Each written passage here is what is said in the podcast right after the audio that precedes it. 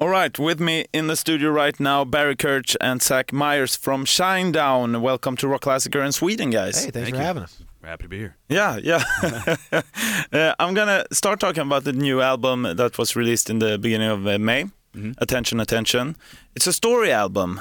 How was the idea born to make such an album? It was uh, it was kind of organic. It wasn't intentional in the beginning. We were just writing songs, and then the songs seemed to start connecting to each other. And we went, oh, well, then we need to make this a story. So really, just it wasn't. It was a natural choice when we started writing the songs that they all just fit together. Um, and really, it's a story of the four of us. Um, put onto one central character and what we've gone through and what we deal with on a daily basis and what we've gone through over the years. Um, you know, this character in the beginning goes into the room and Devil kicks off, and it's uh, basically that person's rock bottom moment. And through the record, they deal with all those emotions to where at the end you come off with Brilliant, which is, hey, I'm in a better place, but there's always that little thing on your shoulder that could turn you back down to that dark road, and you have to realize that and, and move forward and really try to be strong. So that's kind of the the idea or the concept of the story um, put onto a central character. Yeah, and both fans and critics have uh, praised the album. It's a great Thank album. God.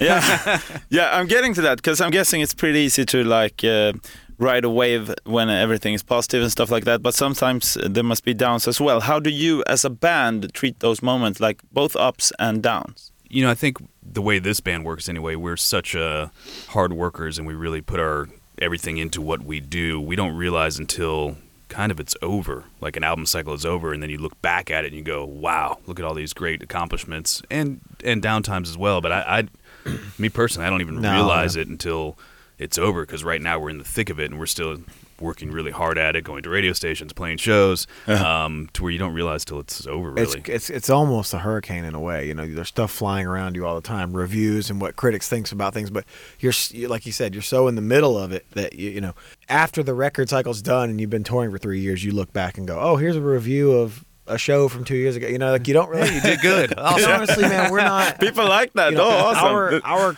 our currency is is radio and fans.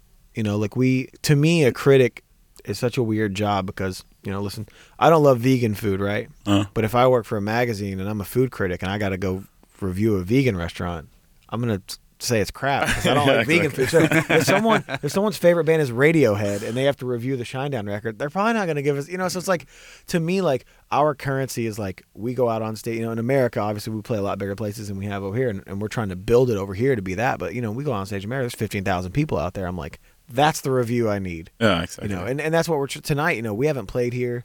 We did Sweden Rock, but we haven't done like our own show here in nine years. No. And net we're almost sold out tonight, three thousand something people. So that's you know that's, That's our amazing. currency. You know, that's like that's that's kind of how we take the reviews. As we go, oh wow, these people care about seeing our band. We obviously have a message that they want to hear, and that's that's where we get our that's our that's our currency for us. Exactly. And you did a like a documentary behind the scenes uh, with this album, right? Yeah. Yep. I, I kind of get the feeling that you guys uh, are re- uh, like really into your fans. Did you like talk about that Shinedown? Hey, we're gonna go the extra mile for our fans, or did it just become that way, so to speak? Uh, I think it was a little bit of both. We always want to give our fans more, and we realize nowadays, you know, gone is the mystery of rock and roll. So with social media and everything else, you got to give even more of behind the scenes and what life is really like with each individual. And I'm terrible at it because I hate putting myself out there, and I hate social media really. Yeah. um, but you have to do it, and that's what people expect of bands and, and artists nowadays. And Zach's actually really good at it, and a lot of it comes from him because he really gets social media and how it works and how it benefits. Whereas myself, I'm jaded and don't care. Um, so we really wanted to do that for the fans, and also doing this record on our own as a band with Eric producing it and things of that nature. We wanted to let people know what it was like behind the scenes making a record of this caliber. Yeah, I mean, and for us on the on the fan side, like we were, as much as I'm into social media, like we were late on the social media train. Like Mhm. we were one of the last bands to have an Instagram and a Twitter and all that. Uh. stuff, you know? So it's like now building it. You know, we just like you said. You know, like when I was a kid, I would always just sit and wonder, like, I wonder what Jimmy Page is doing right now. You know what I mean? And it's like in my head, I'm like, he's worshiping Satan, and he's doing drugs, and he's doing all this There's girls everywhere. There's seances, and there's naked women everywhere. And like now, I always say, in like 2018, you're like, oh no, he's at Starbucks.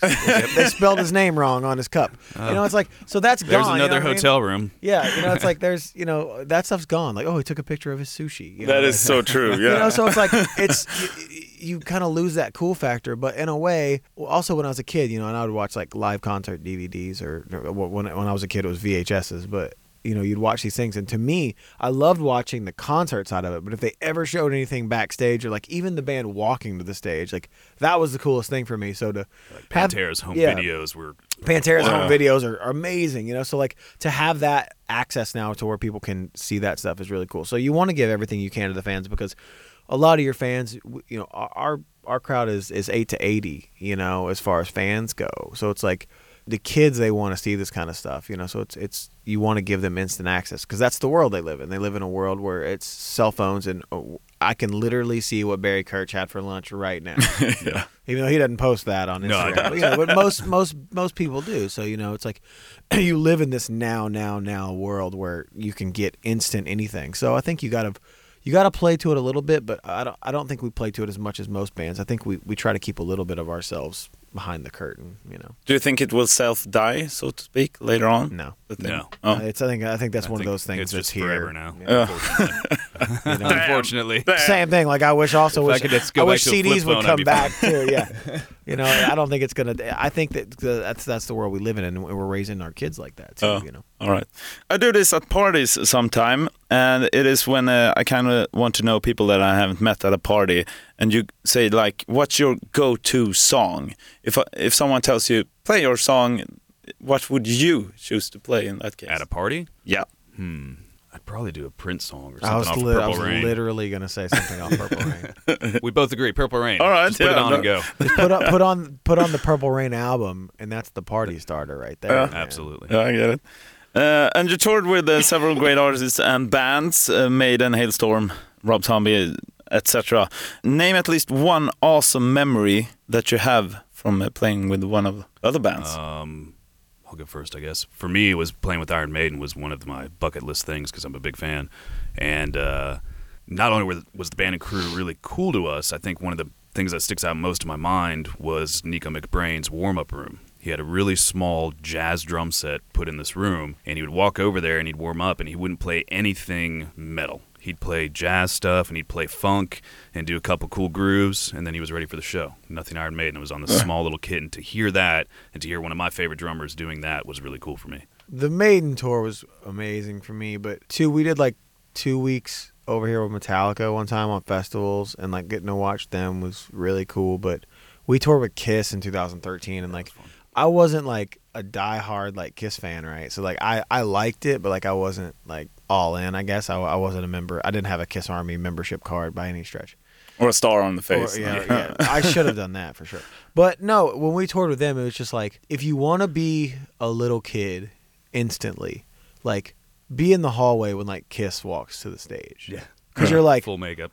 oh my god, It's the coolest thing ever. like if you want to if you want what listen and you know they get they catch a lot of crap for songs or whatever. Listen i think they they wrote great rock and roll songs because back then you wanted simple. That's what you wanted. But like if you want a picture of rock and roll to me that band walking to the stage is just like you're in anyone's childhood. You know what i mean? Like i don't care what era you're from. Like it was just the coolest thing to see. And then we rode on the kiss jet uh, aptly named by Paul Stanley, the Kiss Jet, uh, home. They gave us a ride home um, from the tour because we were starting a tour after the Kiss tour. We were starting our own headline tour in America, and we only had like three days at home, and some of us had like four flights to get home, and we weren't going to get Oh, home until like midnight. So they gave us a lift from I think St. John's, Newfoundland, in Canada to. Uh, Boston.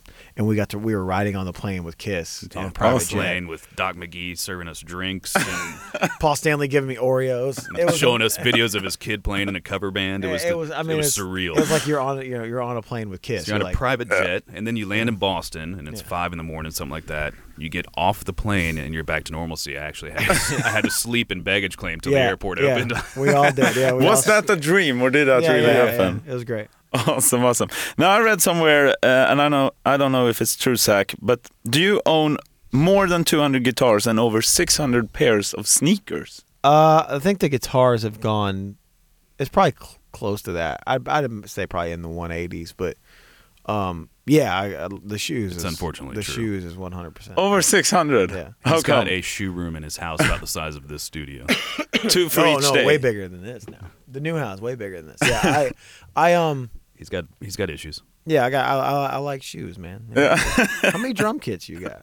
Uh, probably about ten. See, that's a lot of drum kits. Yeah, That's, yeah. a, lot, that's a lot of Because that's a big space. So ten of those, you know, not ten drums, ten whole kits. So, you know, everybody's got their thing. I just, since I was a kid, I like shoes, and Oh. it's it's. Yeah, he's it's a Jordan fan. That's yeah, the you know. thing. And, then, Awesome. and then when I was able, old, got old enough to, you know, when I was younger, I couldn't, we couldn't afford them, you know. So it was like I had like four pair, and then when I got, you know, in a position where I could buy shoes, I bought them, and then now I don't have to pay for them anymore, which is great. Yeah. Yeah. He's, he's sponsored by Jordan. it was sponsored so. by Jordan. so But it's then you have to have like rooms for the shoes, kind of like Freddie Mercury with cats. Yeah, yeah, yeah. I, Yeah. uh, I not, I'm not. I don't call and talk to my shoes on the phone like Freddie Mercury used to. Freddie Mercury used to be on tour and call and talk to his cats. Yeah, which yeah, is I know. amazing.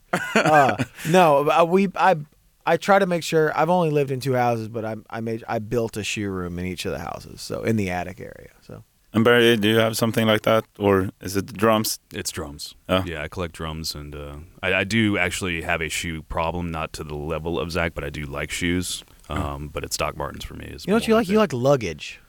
I do go. You through have bags. more luggage than anyone I think I've ever met. I do go through bags. he loves luggage. I do. I've never found the perfect one. They're either too big and it gets sloppy in there, or they're too small, or they don't have enough pockets. So I think I'm on the constant search for the perfect. Still on the hunt. Yeah. Yeah. Like every Yeah. tour, I'll show up with like eight pairs of shoes on the bus, and then he'll show up with a new bag that. I'm Yeah, it's always a new bag on tour. It's like it's like going to school as a kid. You always came with your new backpack and your new pencils. That's kind of what it is for me. I'm going on a new tour. I need a new bag. yeah. Yeah. Yeah, you're playing uh, Annexet tonight in Stockholm.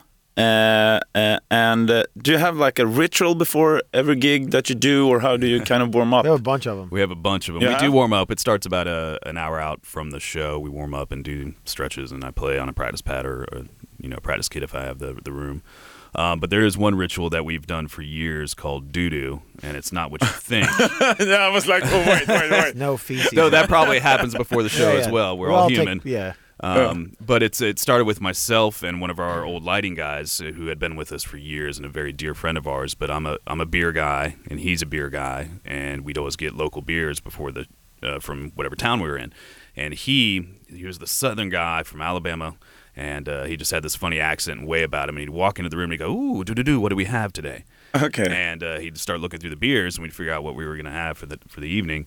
Um, somehow that expanded over the years to where we get in a circle, band and crew, and any guests that we have with us, and everybody has a beer or water, and um, we take a deep breath, and I count to three. Three, or three, two, one. Count it down, and then everybody screams at the top of their lungs, "Do, do, do!" And you try to it's see long, stars. It's yeah. very long and it's it's drawn out, and you try to see stars, and that's and then you cheers everybody and, and get ready for the show. So that's become the ritual all over to beer nerds being idiots. Awesome. Yeah. And like, that's like what that's the thing that like people try to like get into. They, they Yeah. it, like our friends that come backstage or like if we have guests, they're like, "Can I be a, can I be a part of doo doo time?" Yeah. And if you if you no, you do have to have a join, special pass for yeah, if you do join and miss it, then you're not welcome back. Yeah. So if you if we you're invited in, you have to if you're at a show from then on out, you have to come. And if you if you don't if you miss one and you're at the show, you're out. You're Yeah. not allowed back in. So, are you staying uh, a night over in Stockholm, or are you straight out back on tour? Yeah, we are. We We actually are staying the night um, fly to because we have to fly out tomorrow morning to Helsinki. So we're just staying overnight, and flying out. Yeah. Nice. Yeah. We go to Helsinki, do that show, and then we fly into Russia, and we have four shows in Russia before we head home. We get And home then we go the home. tonight. Yes. Yeah. Uh, Celebrating Christmas, I guess. Yeah. thing. Yes, Yeah. we get to celebrate Christmas with our families, thank goodness. And then we have three shows in Orlando, the 27th, 8th, and 9th. And then we're done for the year, thank goodness, because we really have only had 33 days total at home. 31. 31. Sorry. Uh. 31 days at home in a year. Oh yeah, yeah, like we, calendar, like in yeah. prison. Yeah. One we've been we've been over here for five weeks. Oh yeah. Oh wow. It's a a long total of time to be over here. It is. Well, have fun tonight, guys. Thank thank you very Thanks much. for having us. Ett poddtips från Podplay. I podden Något Kaiko garanterar östgötarna Brutti och jag, Davva, dig en stor dos skratt. Där följer jag pladask för köttätandet igen. Man är lite som en jävla vampyr. Man har fått lite blodsmak och då måste man ha mer. Udda spaningar, fängslande anekdoter och en och annan arg rant. Jag måste ha mitt kaffe på morgonen för annars är jag ingen trevlig människa. Då är du ingen trevlig människa, punkt. Något Kaiko, hör du på Podplay. Därför är gardinerna.